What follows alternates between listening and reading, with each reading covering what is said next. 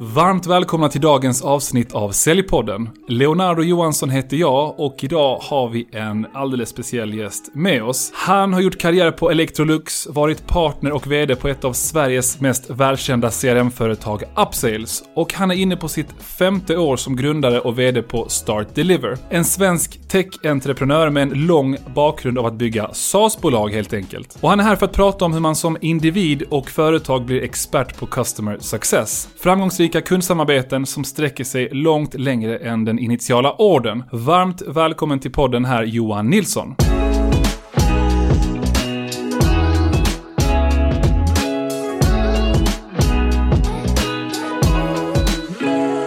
Tack!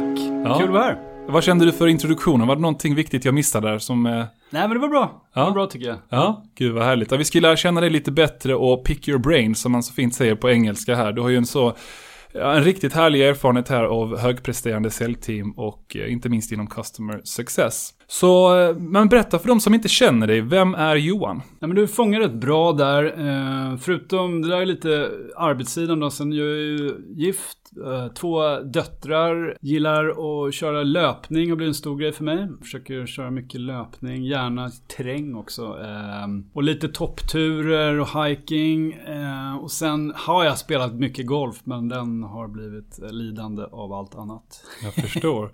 Ja, men det här med löpningen, är det någonting som du gör Eh, liksom inför dina arbetsdagar också? Eller när, när är bästa tiden att löpa för dig? Jag brukar lämna nämligen på morgnarna så det har blivit svårt eh, på morgnarna. Det är ju, eh, helgen brukar jag sticka ut. På söndagmorgnar. Ja, men löpning det har blivit, jag gör ingen meditation eller så. Men löpningen brukar liksom när stressnivån är hög eller man har mycket på jobbet så är det. Jag kan verkligen så här längta bara komma ut, sätta på löpskorna. Man tömmer huvudet.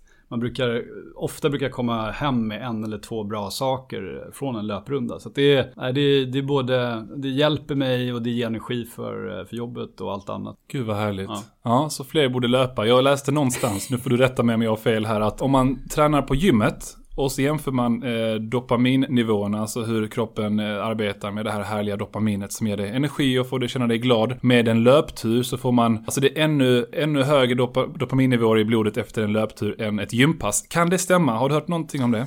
Nej men det, det kan nog stämma. Sen tror jag den här natur, liksom, aspekten av det hela. Om man kommer ut, man får se lite, man kanske är i en skog eller något sånt där. Det, det tror jag också är mer stimulerande än ett, en gymlokal liksom, typiskt. Ja, Men då får, jag, då får jag nog sälja löpbandet som jag har hemma och övertyga frugan om att springa ut eller gå ut Ja. och springa med. Ja, det är bra.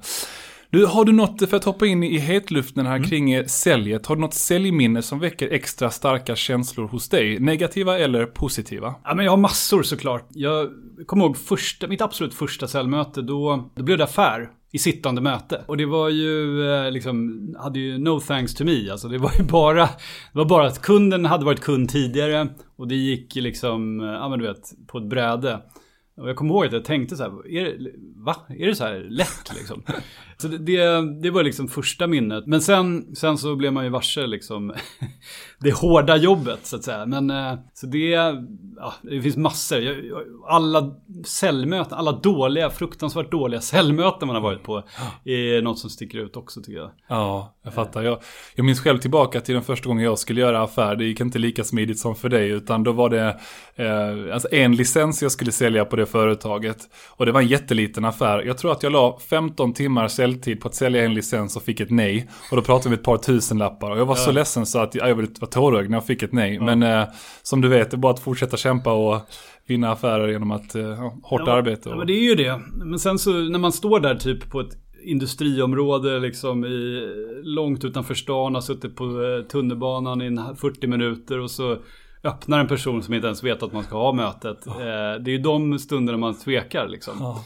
Men man måste ju igenom ett par sådana, det vet man ju sen, för att eh, bli bra i det här eh, i yrket. Ja, kul att du nämner det. Det är ju, jag har en så här stående frustration faktiskt nu för tiden. Och det är att även vd och säljchefer, främst de som jag då bearbetar i min, min yrkesroll som säljtränare, som har accepterat mina eh, mötesinbjudningar till de här digitala mötena jag håller i. Alltså det är runt 30% av dem som antingen kommer jättesent in på mötet eller inte dyker upp överhuvudtaget. Och varför jag nämner det här är för att när man hade fysiska möten, då dök man upp och så hade man otur så var de inte på plats. Hade man tur satt de i ett annat möte och bara oj, jag ber om ursäkt. Och så hade man den här samvetsgrejen liksom Exakt. på sin sida. Och så fick man ändå till ett möte och många gånger affär också. Ja. Ja, verkligen. Så fler fysiska möten helt enkelt. Verkligen, verkligen. Du, jag tänkte fråga dig, eh, det här med hunters och farmers, det är ju klassiska uttryck inom sälj. Det kanske är så att du avskyr dem eller så gillar du dem. Jag har ingen aning, men vi ska prata lite mer om det. Alltså, och för de som inte känner till de här uttrycken så brukar man säga att hunters är den typen av säljare som gillar att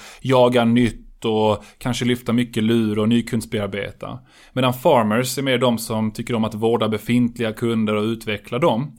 Sen kan man vara en liten mix såklart. Men skulle du utifrån ditt sånt här specialistområde Customer Success Management kategorisera dig själv som en farmer eller är jag ute på riktigt hal is här? Nej men alltså jag tycker de Farmers och Hunters, det som är styrkan med dem är att de är tydliga. Man förstår väldigt snabbt vad man menar med dem. Eh, men, men sen skulle jag väl säga att eh, jag använder inte dem själv. I och med att det finns, eh, ja, det finns bättre, tycker jag, nyanser på det. För att beskriva olika, de olika rollerna. Men jag skulle säga att om man tänker Hunter då, eller ny, ta in nya kunder. Jag, jag tycker det är, det är bland det roligaste som finns. Du skapar någonting från ingenting. Vilket är lite entreprenöriellt och det, det, det tycker jag är ja, men det finns något väldigt stimulerande i det. Det är ju liksom man, man, man, visar, man, man får någon att gå in på sin vision om förbättringar. Så den brinner jag väldigt mycket för. Eh, men sen så det jag håller på med nu då, det är ju mer det man kallar hunters, alltså hur man kan ta hand om befintliga kunder. Så att jag har väl eh, liksom gjort en resa nu där jag har jobbat, eh, jag jobbar ju fortfarande också med att ta in nya kunder, men, men jobbar väldigt mycket nu för det här mer farmerdelen då och ta hand om befintliga kunder. Ja, och, och på tal om det här och, och Customer Success Management och de som inte riktigt känner till det här uttrycket. Hur skulle du beskriva det med dina egna ord här? Ja, nej men det, som, som många andra saker så kommer det här från USA. Customer Success, ett annat buzzword. Ehm, det har väl funnits, jag tror det myntades kanske för 10-12 år sedan eller något sånt där i USA. Och har nu, det, det, är på ganska stark frammarsch i Sverige men runt om i världen såklart också. Ehm, och customer success, man kan säga förenklare och säga bara det, det det handlar om är att sätta ett fokus på att ge vi kunden värde med vår produkt och tjänst. Vilket är lite, om man, man säger det är konceptet bakom. Sen är det ju också ett sätt att jobba, det är ett team oftast med personer som kallar sig sig Customer Success eller Customer Success Managers som jobbar med det här också. Men, men det som eh, det, det, det jag tycker styrkan med det är att det handlar om att man i första rummet tittar på att det handlar om att kunden ska uppnå någonting med den produkt vi säljer. Mm. Det är ju inte nytt i sig, men det, anledningen att det har blivit väldigt, eh, att det är väldigt fokus och att det är väldigt starkt just nu, det är att Fler och fler företag går över till en abonnemangsaffär. Och abonnemangsaffärer är ju väldigt bra så länge kunderna är kvar.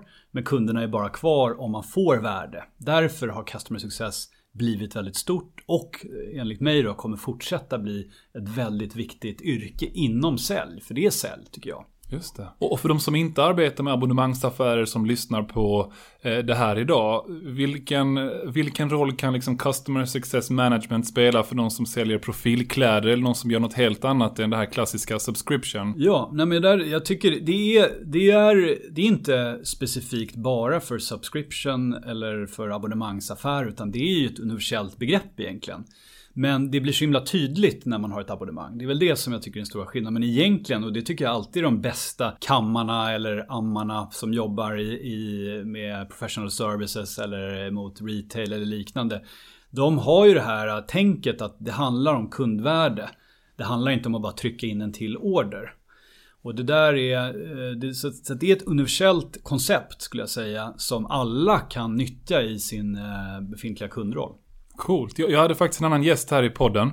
Eh, som var en av grundarna till FMG, Future Media Group. Eh, som har vuxit så det knakar också med en hel del företag inom mediebranschen. Mm. Och de säljer ju inte eh, primärt liksom på, via abonnemang. Men de, hade en, eller de har en säljare. Och vad han gör annorlunda, på tal om customer success, det är att när han har sålt in någonting till kunden. Så de allra flesta andra säljare, både på det företaget och i branschen, mm. de följer upp kunderna efter att en kampanj är slutförd. Men vad han gör är att han följer upp kunden under kampanjens gång för att se till att man når de mål som kunderna har förväntat sig, man kan bemöta eventuella liksom invändningar och frågor som dyker upp. Så hans Customer Success Management innebär ofta att han får ett naturligt nästa steg i affärerna. Ja. Genom hans ansvarstagande i implementeringen då. Så det är också ett exempel tror jag på bra Customer Success Manager. Verkligen. Nej men det är, så att det, jag tycker det, även om det, det, kommer, det, det kommer lite ifrån det här med software as a service då och, och abonnemangsaffären så kan man applicera det här på alla typer av verksamheter. Mm. Du, eh, det här med de vanligaste, det vanligaste missförståndet med Customer Success. Berätta. Ja, nej men, nej men sen så är det, i och med att det här är ett buzzword så, och många tycker det låter lite ballt och coolt, eh, så är det många Många som också bara tar in det som ett begrepp. Eh, utan att glömma då kanske lite filosofin och konceptet. Och, eh, så det, det, är många gånger man kan, eh, man kan höra att det här, han, han är en, vi har ett customer success team, men det kanske egentligen är en support. Så att eh, det, det, det, finns eh, avarter kan man säga av det här med customer success också. Så att det, det är eh, det är väldigt lätt att döpa om något till customer success. Mm. Sen behöver det inte betyda att det blir customer success av det. Och vad, jag kommer in på en annan grej här då. Vad är det som i din värld, om man då ska kategorisera någonting som customer success och ett företag ska, eh, men, vad ska man säga, med stolthet kunna presentera att man har ett customer success team. Mm. Vad krävs då? Alltså vilka beståndsdelar ska finnas med för att det ska... Nej, men det, det som jag tycker många missar och, och det här det, traditionellt så var det ju så att man, man, man sålde in det och sen eh, hörde man av sig när det skulle förnyas eller om kunden var arg eller besviken. Det är såklart förlegat. Men det som, den, stora, den stora biten är ju att göra lite som ditt exempel där. Att när kunden håller på att sätta upp produkten eller komma igång med produkten. Man börjar mäta och följa upp att de verkligen får värde. Och det där är olika svårt beroende på vad det är för typ av produkt eller tjänst man har såklart. Men i, in, i och med att fler och fler saker blir digitala och allt som är digitalt går att mäta i de flesta fall. Så där, det är steg ett att börja mäta hur får den här kunden värde? Kan vi ha lite indikatorer på att de får värde? Mm. För får de värde, i de flesta fall kommer kunder stanna väldigt länge. Och inte bara det, de kommer köpa mer. En kund som får värde, det är den bästa kunden att sälja mer till. Medan tvärtom, en kund som inte har fått värde av det första du köpte, det är direkt skadligt att försöka sälja till en sån kund. Mm. Så att det är liksom en väldigt stor skillnad där och kan man börja, kan man börja mäta det, kan man börja fokusera på det och då kan man börja eh, göra rätt saker. Mm.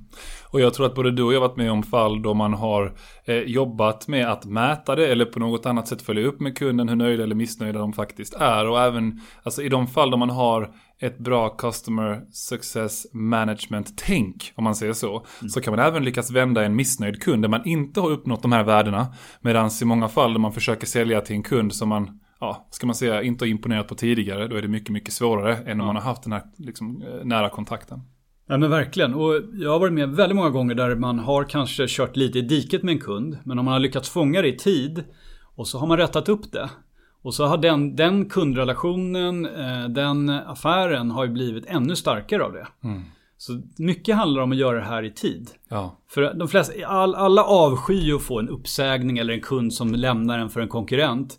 Men de flesta agerar för sent på det. Mm. Så det är också en viktig faktor i det här att och, och, och hjulen snurrar bara snabbare. Eh, tålamodet hos de flesta företag är kortare och kortare. Man vet att man har mycket att välja på. Så att man är mycket mer van och benägen att säga upp avtal, byta leverantörer. Det är lättare nu. Det är bara att tänka på en själv som konsument. Liksom hur man byter mellan Netflix och HBO eller liknande. Mm. Och det är samma inom B2B.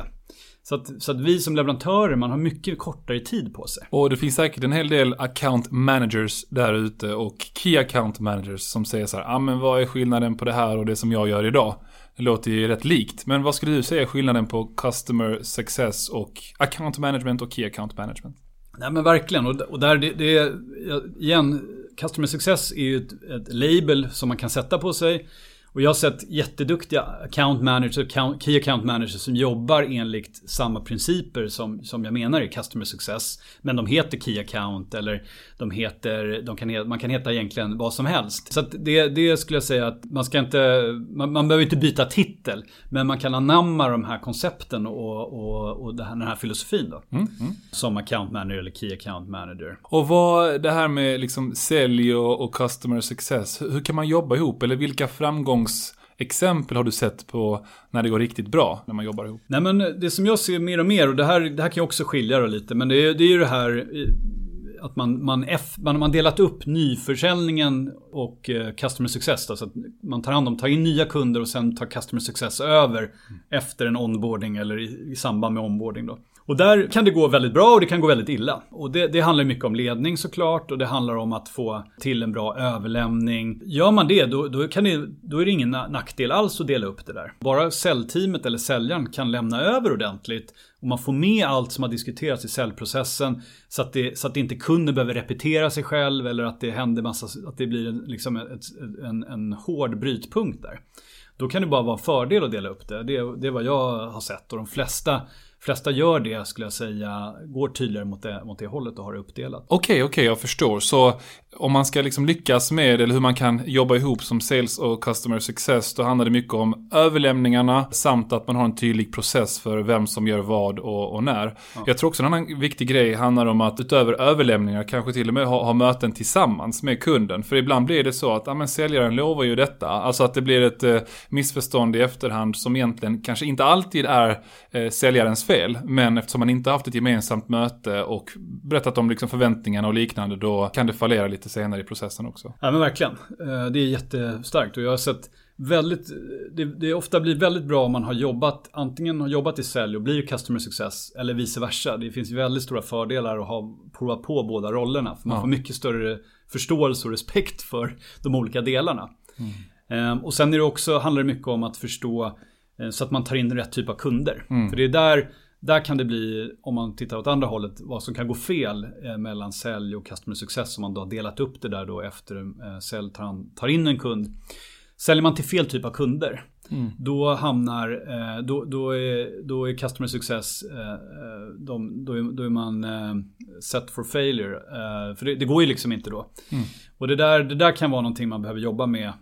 Så att säljteamet också har en förståelse för att vi, ska jobba med rätt typ av kunder som kan, kan få ut värde och kan växa med oss. Mm. Inte bara stänga affärer.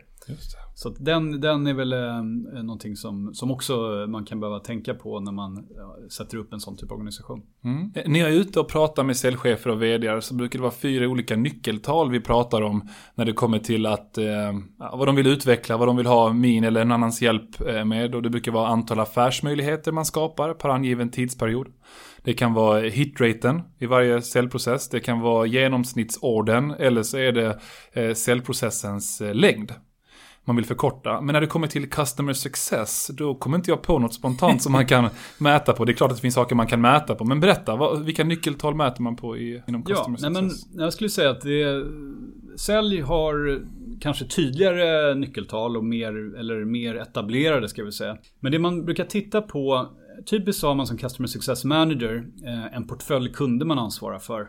Som omsätter en viss typ av peng då. Och där brukar man titta på hur mycket av, av, av den kundportföljen förnyar kommande period, om det är ett år. Så att om du har 5 miljoner i din portfölj i år, hur mycket av dem förlänger nästa år? Mm. Och så kan man då ha, det kallas för Net Revenue Retention är inom subscription-affärer begreppet eller SaaS så använder man Net Revenue Retention då som det, det är liksom övergripande nyckeltalet. Och det skulle jag säga inom, inom den typen av företag så är det, det är the golden metric. Det är det alla tittar på, investerare, ägare, eh, värdering på börs och liknande. Man tittar väldigt mycket på Net Revenue Retention. Och där är det, styrkan med det är att om du har mer än 100% Net Revenue Retention i princip då kommer du aldrig, du kommer fortsätta och, eh, och ha 5 miljoner i omsättning utan nysälj mm. för evigt. Så att säga.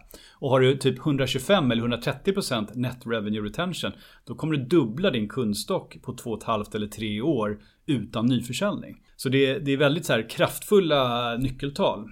Eh, så att säga. Sen kan man bryta ner det och det behöver man ju göra så att lite mer operativa mål också. Får jag, får jag bara eh, utmana det där lite grann? Ja. Det kan ju vara så att eh, av de här 100 kunderna man har till exempel, ja men så växer vi kontona på, på 50 utav dem och ganska mycket. Vilket innebär att, vad sa du, net revenue retention, sa Ja, du det? ja. Att den där ser positiv ut, men vi tappar ju ändå hälften av kunderna.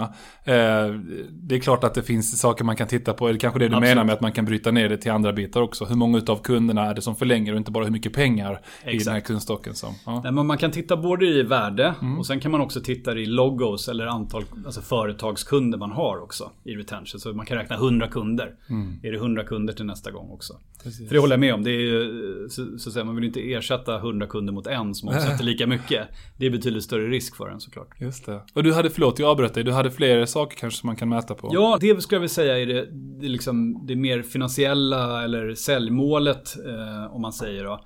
Men sen kan man också titta på mer operativa nyckeltal. Hur många av dina kunder uppnår ett visst mål eh, med, med produkten? Ja, det, fin- det finns massa saker man kan titta på och bryta ner där också. Mm, just det. Coolt. Vad, finns det experter där ute på customer success? Kanske någon som, som du skulle rekommendera? Eller är det så att du känner att ja, eh, vi säljer ju, du och ditt företag, en mjukvara och tar man kontakt med oss så får man lite, lite sån här eh, på köpet, best practices och sånt. Är det lite det man kan förvänta sig kanske? Absolut så får man det. Ehm, sen så, ehm, så har vi, vi har teamat upp med en amerikan som är, ska jag säga, en av världens thought leaders inom det här med customer success. Han var med, han drog igång det här kan man säga för ja, men tio år sedan i USA. Um, ehm, han heter Lincoln Murphy. Han har en jättebra blogg, väldigt praktisk, väldigt konkret. Um, ja, men saker du kan göra idag. Så vi, vi har också en, eh, en academy tillsammans med honom. Så att man kan, eh, om man vill intressera sig för det här mer så kan man ju kolla på det också. Hmm, ja, för jag tänker det, det, för många företag känner så här, ja men köp ett system, då kommer det lösa alla problem. Men egentligen handlar det om processen, att man sätter processen först. Hur ska vi arbeta med detta? Vad är ett framgångsrecept för oss i vår bransch? Och Lincoln, Mur- Lincoln Murphy, ja precis, jag är så dålig på uttal ibland. Sovit för lite i natt får jag skylla på. Det finns det någon metodik eller skola inom eh, Customer Success, likt det finns inom sälj, eh, Challenger Sales, spinsäljning och så vidare? Ja, men det, alltså det, det närmaste man kommer skulle jag säga det, det, det Lincoln Murphy har byggt upp. Ehm, där, där finns det väldigt många tydliga koncept kring det här. Ehm, ja, men allt från ehm, ja, men hur man till exempel, eh, vi pratade om en bad fit kund. Hur ska man tänka kring det? Hur kan man liksom ta fram en bra mall som alla förstår kring det? Hur ska man jobba? Hur ska man planera en vecka? Vad ska man göra? Hur ska man eh, se till att man hinner med det man behöver? Så att det finns, eh, där finns det väldigt mycket att hämta skulle jag säga inom det här. Ehm, men, men det är ett nyare område ska man väl säga också. Som eh, är under väldigt stark tillväxt. Men, eh, men det, är, det är inte riktigt lika etablerat skulle jag säga som mycket av mer traditionell sälj är. Du, Jag tänkte, alltså nästa fråga kan man vinkla på lite olika sätt. Jag hade egentligen velat få ut lite så praktiska tips inom customer success. Eh, men man kan även ställa frågan som eh, typ, vad mer kan man göra eller vad kan man göra för att bli bra på customer success? Så, eh, liten, liten kombofråga där. Berätta, vad tänker du på när jag säger liksom praktiska tips eller vad man kan göra för att bli bra på customer success? Ja, ja men dels eh, så såklart om man, om man, man tycker det här är helt, om man är helt ny inom det här så, så kolla, kolla, kolla upp Lincoln Murphy, kolla upp Impact Academy då. Eh, Där finns det massa material, kolla lite webinars, eh, ja det finns massor där. Mm. Men, men sen då konkreta tips, det är ju såklart beroende lite på vad man har för roll och vad man gör och sådär. Men, men det börjar ju egentligen med att man Ofta, ofta, vanligt är att man kanske sitter lite mer i en teknisk eller supportroll. Eller om man är sälj. Det man måste göra, måste förstå är att min roll, jag måste förstå vad kunden vill uppnå. Jag måste våga ställa de frågorna. Jag måste bli mer intresserad i kundens affär. För att sen kunna vara, vara eh, den som sitter sätter ihop lösningen tillsammans med kunden. Så det, det är det som jag tycker många, eh, många behöver jobba mest på för att bli bra i customer success. Och åt andra hållet, om man kommer från sälj, ja men då kanske man behöver förstå mer kring produkten och behöver sätta sig in mer i det. För det kommer bli ännu viktigare. Om man ska vara lite krass, så när man säljer en produkt så behöver man, behöver man inte kunna den på den nivå som man behöver kunna när man jobbar med en befintlig kund. För där kommer det mycket mer detaljer upp, mycket mer teknik, kanske andra faktorer. Eh, Så det, det skulle jag vilja säga. Ja, det väcker gamla minnen när jag brukade sälja ja, lite allt möjligt höll jag på att säga, men på olika företag där jag jobbat på. Och så kom jag tillbaka till kontoret så sa min chef, ja men berätta, vad, vad är deras liksom primära mål med att köpa in det här? Och jag bara, vet du, jag har ingen aning, men jag tror att de kommer köpa ändå. Och, och, och, många gånger så gjorde jag ett så pass bra jobb tydligen inom andra bitar att de köpte ändå. Men sen jag utvecklade mitt sälj och förstod att amen, om man kan identifiera vad det viktigaste är för kunden att uppnå och sen hur din produktlösning, din expertis hjälper dem att uppnå detta. Då är det både en ökad sannolikhet för att de faktiskt köper men även för att man kan följa upp att de blir nöjda med det som de har köpt. Så att eh, det väckte lite, lite roliga minnen där ja. faktiskt. Ja, nej men verkligen. Nej men jag, jag tror, alltså det, det, um, vad ska man säga, det finns det finns så mycket att göra om man börjar tänka rätt mm. i de här banorna. För det är, det är väldigt ofta jag brukar, jag brukar också ställa frågan, vad, är, vad, vad gör den här kunden? Vad är det de gör? Ja. Och då, då ser man ju direkt på den, man, då måste man börja tänka efter och, och, och börjar man titta på det. Nu, nu finns det ju webbsidor så man kan ju liksom väldigt väl förstå vad de gör och mm. sätta sig in i det. Och där, det är då, då öppnas det massa eh, dörrar för hur vi kan hitta lösningar och vad vi kan göra mer. Så det, man måste gilla det och vara intresserad där. Det skulle jag säga är en röd tråd från de bästa Customer Success Managers. Eh, de är väldigt starka och kan produkten bra men de har också det här intresset för vad kunden gör och vad de vill åstadkomma. Mm. Och då blir det mycket lättare att ställa sådana frågor och förstå det och koppla ihop de två. Precis. Och det är, då, det är då du verkligen får effekt i, i arbetet. Mm. Du, jag har en sista fråga till dig. Och det handlar ju inte riktigt om customer success kanske. Men det är med tanke på all din erfarenhet du har inom sälj, säljledarskap, vd på framgångsrika företag. Om du tänker tillbaka, eller till och med på nuvarande företag som du, som du då driver på de mest framgångsrika säljarna, inte bara customer success utan mest framgångsrika säljarna. Är det någonting som du känner, ja men det här är vad jag i alla fall skulle säga särskiljer, om jag får generalisera, de som presterar bäst jämfört med andra? Ja men det, men, eh, nej, men det skulle jag väl absolut. Och jag skulle, första svaret är inte något ovanligt svar såklart, men det är ju det här med aktivitetsnivå. Det är, jag har sett så många säljare och av, av olika eh, karaktär, av olika utbildningsnivå, intelligens, allt möjligt. Men, men där man ändå ser en väldigt röd tråd är också de som vecka och månad ut håller sin aktivitetsnivå. De presterar bättre. Alla kan göra snacket men, men sen att göra det, det är också en, en, stor skillnad. Jag har intervjuat väldigt många säljare också som, som har pratat om hur bra, och, som har förstått det.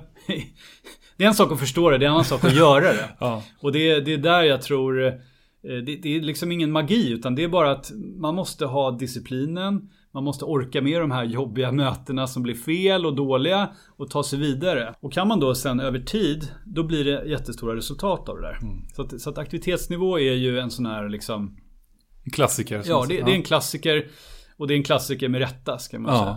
Är det något annat du tänker på förutom att hålla höga aktivitetsnivåer? Om vi fokuserar lite mer på, ja. om, vi säger att sälj är lika med ett resultat av kvantitet gånger kvalitet. Mm. Om kvantiteten då innebär liksom ambitionsnivåer och mm. eh, aktivitetsnivå. När det kommer till kvaliteten i en säljprocess, är det någonting som, ah, men det här är någonting jag vet att de är duktiga på, duktiga säljare? Nej men det som, om man jobbar med lite mer komplex business to business försäljning så är det oftast efter ett bra första möte så är det ett antal hinder man måste ta bort. Och de här, de bästa säljarna, och det är där jag skulle säga, man brukar ju säga det någonstans enkelt att en tredjedel av affärerna tappar man vad man än gör, en tredjedel vinner man vad man än gör. Men så är det en tredjedel i mitten. Och då, då, då, är det de där hindren efter ett bra första möte där du har liksom sett att kunden, ja men de gillar det du visat och är intresserade och så. Då är det att hitta de där hindren och sen lösa dem. Mm.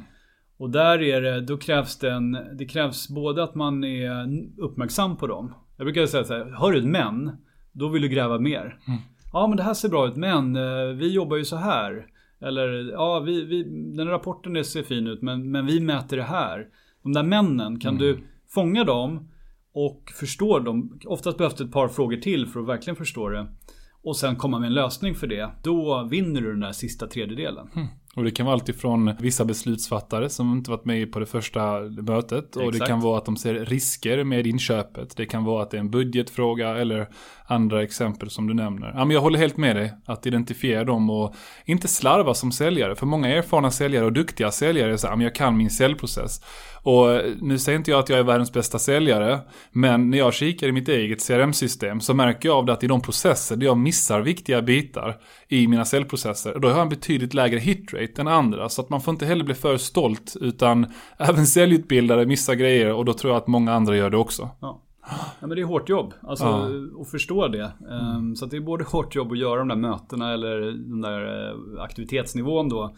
Och sen det där jobbet när du har en kund. Att inte liksom släppa det bara för att du hade ett bra första möte. Utan sen är det hårt jobb oftast eh, nästa steg också. Ja, jag har gått så pass långt när det kommer till aktivitetsnivåer, även om det finns de där ute som säkert lyssnar på detta och säger att men kvalitet är viktigare än aktivitet. Och jag säger att det är en bra kombo såklart. Men jag har gått så långt i det att när jag anställt säljare i mitt eget företag så har jag sagt att en del av din fasta lön, det blir ju inte fast lön då, men det är beroende av att du uppnår de här aktiviteterna. För att jag vet Exakt. att, att aktivitet föder eh, resultat. Nej, och det, det, det bygger, eh, det, det gör så himla mycket mer också. Ehm, Så att du, eh, det är ringa på vattnet på det där också. När du gör hög aktivitetsnivå, det blir massa positiv effekt runt det också. Just det. Men du, om man vill ta kontakt med dig, varför tar man kontakt med dig och på vilket sätt? Man kan ta kontakt på mig via LinkedIn. Man kan också såklart eh, titta på det här Impact Academy som vi kör. Om man vill, där har vi trainings inom Customer Success. Så vill man Går gå någon sån, intresserad av det här. På vår webb också, startdelivery.com, så har vi en hel del free, helt free content, webinars. Vi täcker alla delar av Customer Success kan man säga med olika typer av webinars som man kan följa.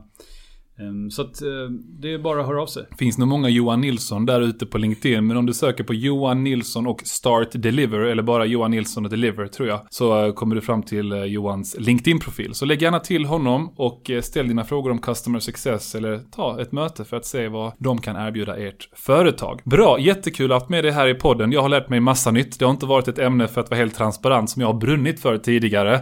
Inte för att jag kanske brinner för det nu, men jag är betydligt mer nyfiken och intresserad på det här med Customer Success. Så bra jobbat Johan! Ja men kul. Alright, Säljarnas Riksförbund är ju de som sponsrar den här eh, podden, en av, av våra sponsorer. Och eh, de erbjuder allt ifrån juridisk rådgivning till inkomstförsäkring och eh, säljutbildningar. Digitala säljutbildningar, webbinarier, seminarier till ett värde av över 40 000 kronor per år. Så är du nyfiken på Säljarnas, gå in på saljarnas.se och läs mer om ett medlemskap. Jag får tacka så mycket för eh, dagens avsnitt här Johan och för alla ni som lyssnar där ute. Ha det så gott! Hej.